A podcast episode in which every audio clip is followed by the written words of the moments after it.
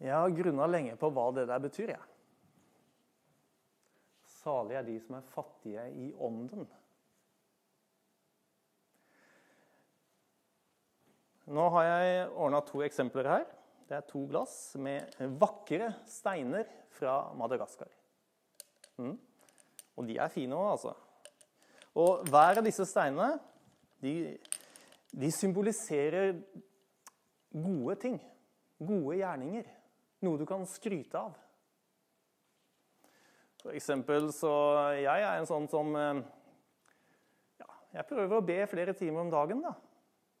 Det skryter jeg litt av. Så jeg legger den oppi glasset mitt. Og så er jeg ganske flink til å gå i kirka. Jeg går gjerne flere ganger i uka. og hvert fall ja, Så sant jeg kan, så går jeg hver søndag. Og jeg prøver å få med meg familien min også. Ikke alltid jeg får til det, men ganske ofte. Oi! Oppi glasset med deg. Så ja, Jeg har ikke kjempegod lønn, men jeg gir vekk litt av pengene mine. Bare så veit det. Og så videre. Så vi kan si at dette glasset er jo rikt på vakre steiner. Dette glasset det har også noen vakre steiner. Det er også steiner fra Madagaskar. Og noe å skryte av. Men i forhold til det andre glasset så kan man jo si at den er rik på vakre steiner. Den er ganske fattig på vakre steiner. Den har vakre steiner, men ikke så mange. Følger dere meg? Oppi disse to muggene så har jeg nøyaktig én liter vann. Vannet det er et symbol på ja, kan vel si at Det kan være et symbol på Guds rike. Og hvis jeg fyller vannet med alle de vakre steinene med Guds rike, så får det plass.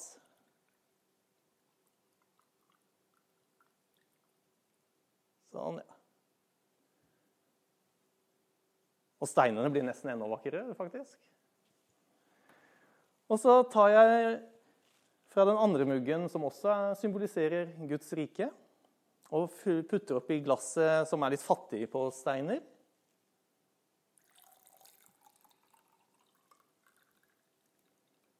Sånn. Nå er det fullt, begge to. Hvilke av de to glassene fikk mest av Guds rike, hadde plass til mest av Guds rike? Jommen meg er det ikke den som var fattig på vakre steiner, gitt. Har du sett? Så Vi ser det at glasset med mange steiner, som er rik på steiner og gjør mye bra og viser det fram Ja, og det den gjør, det er ikke noe feil med det.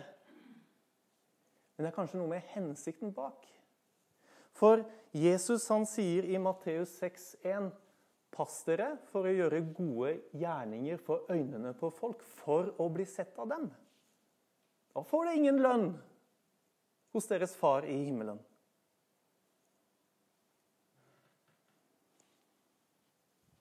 Og vi ser det at den som var fattig på steiner, der var det plass til mer av Guds rike enn i det andre. Altså så tilhører himmelriket de som ikke har så mye av seg selv å vise til. Altså, Sånn som jeg prøver å henvise til glassene Den som har mye å vise til, der er det ikke så mye plass til Guds rike. Men den som er fattig i seg selv, den som har lite å vise til, de er lykkelige. De kan fylles opp. Der er det plass til mye mer av Guds rike. Nå skal jeg vise noen eksempler fra Bibelen på personer, og så skal vi si er det den eller den som er fattig i ånden. Okay? Første er Matteus 19, vers 13 og 14. De brakte små barn til ham for at han skulle legge hendene på dem og be for dem. Men disiplene viste dem bort. Da sa Jesus, la de små barna være, og hindre dem ikke i å komme til meg, for himmelriket tilhører slike som dem.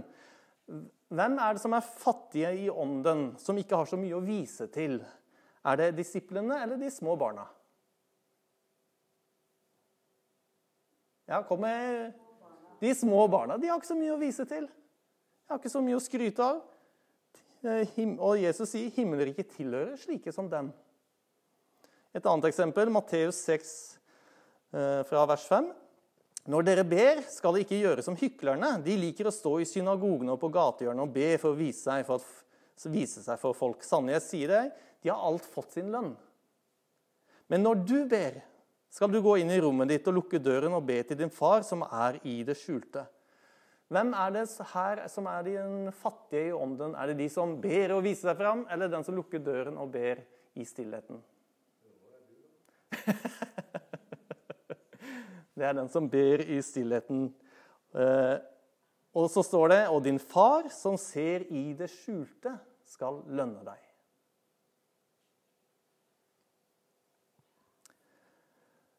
Et eksempel til. Lukas 18, fra vers 10.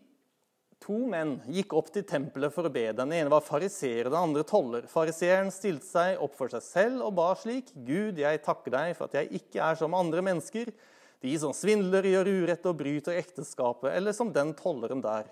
Jeg faster to ganger i uken og gir tiende av alt jeg tjener.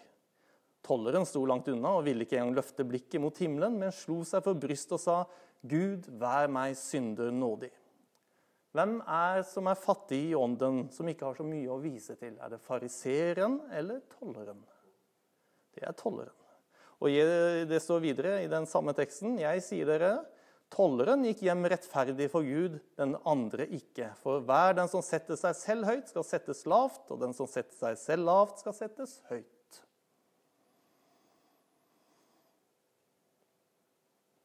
Så da har vi vært inne på det salige er de fattige i ånden.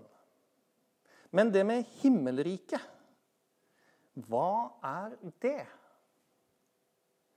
For det første så er himmelriket og Guds rike.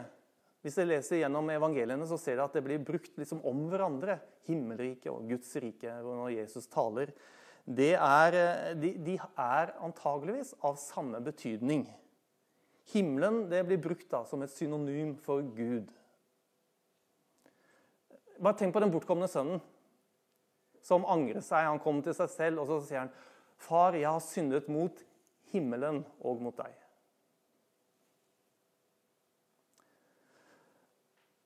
Eh, og himmelriket, det er der hvor Guds vilje skjer. I Matteus 6, vers 10 så står det i den bønnen La riket ditt komme, la viljen din skje på jorden, slik som i himmelen. Altså, det er himmelriket, det er der hvor Jesus er konge. Der hvor Jesus er herre. Og der hvor Jesus er konge, er hans rike. Og der hans rike er, der skjer hans vilje. Det sier jo seg selv. Og det skjer i form av at sykdommer helbredes og demoner rømmer åstedet. Bare se Matteus 16. Da det ble kveld, brakte det til ham mange som hadde onde ånder. Han drev åndene ut med ett ord og helbredet alle som var syke. Og kapittel 12. Men er det ved Guds ånd jeg driver ut de onde åndene, da har jo Guds rike nådd fram til dere. Så sånn er Guds rike. At hans vilje skjer i form av mirakler. Men det er ikke det samme som, og, og, som at vi skulle si at alt er OK. For det fins sammenhenger hvor, det, hvor, man legger veldig stor vekt på nettopp helbredelser og mirakler og demonutdrivelse. Er det da en garanti for at der er Guds rike? Nei, det er ikke det. Fordi Guds rike består også av mennesker som utfører Guds vilje. La oss se. Matteus 6, 33, så sier Jesus.: Søk først Guds rike og hans rettferdighet, så skal dere få alt det andre i tillegg.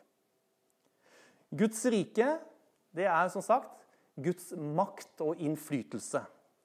Og det gjelder særlig på det usynlige plan, hvor Guds rike er midt iblant oss. Eller inni oss, som det også oversettes. Men når Guds rike begynner å påvirke oss, så skal også hans vilje begynne å skje. Altså gode gjerninger. Derfor skal vi søke både Guds rike og hans rettferdighet. Og rettferdighet det er et sånt religiøst ord som vi, eh, jeg tror vi fort misforstår det ordet. For det har vi brukt så mange ganger. Så hva betyr rettferdighet? Jo, det består av to ord. Rett pluss ferd. Det er rettferd. Altså det å ferdes rett. Det å leve rett. Det å gjøre rett. Det er rettferdighet. Gjøre det som er godt og riktig, og det er da det motsatte av å gjøre urett. Selvfølgelig. Rettferd og urett er to motsatser. Eh, Jesus han henviser til noen som gjør mektige gjerninger som tegn og under. Og de, til og med så bekjenner de Jesus som herre med sin munn. Så man skulle jo tro at alt var ok. Og det ser virkelig ut at her er Guds rike, og alt er bra. Men hva svarer han dem? Matteus 7, 22. Mange skal si til meg på den dagen, Herre, Herre, har ikke vi profetert ved ditt navn, drevet ut onde ånder ved ditt navn og gjort mange mektige gjerninger ved ditt navn? Da skal jeg si dem rett ut. Jeg har aldri kjent dere. Bort fra meg, dere som gjør urett. Og dette her er vanskelig, altså, for selv om disse utfører Guds rikes gjerninger i form av tegn og under og helbredelser og osv., så, videre, så gjør de ikke det ved sine urettferdige gjerninger. Og da kjennes ikke Jesus ved dem. Og det ser faktisk ut at det med de rettferdige gjerningene det er det viktigste, for han svarer dem, 'Jeg har aldri kjent dere'. Ja, OK, dere har den rette bekjennelsen. Herre, Herre, dere gjør jo tegn og under som jeg har befalt dere. Men dere gjør urett. Jeg kjenner dere ikke. De fattige i ånden de er ikke så overbevist om at de har rett i alle ting. At de forstår alt.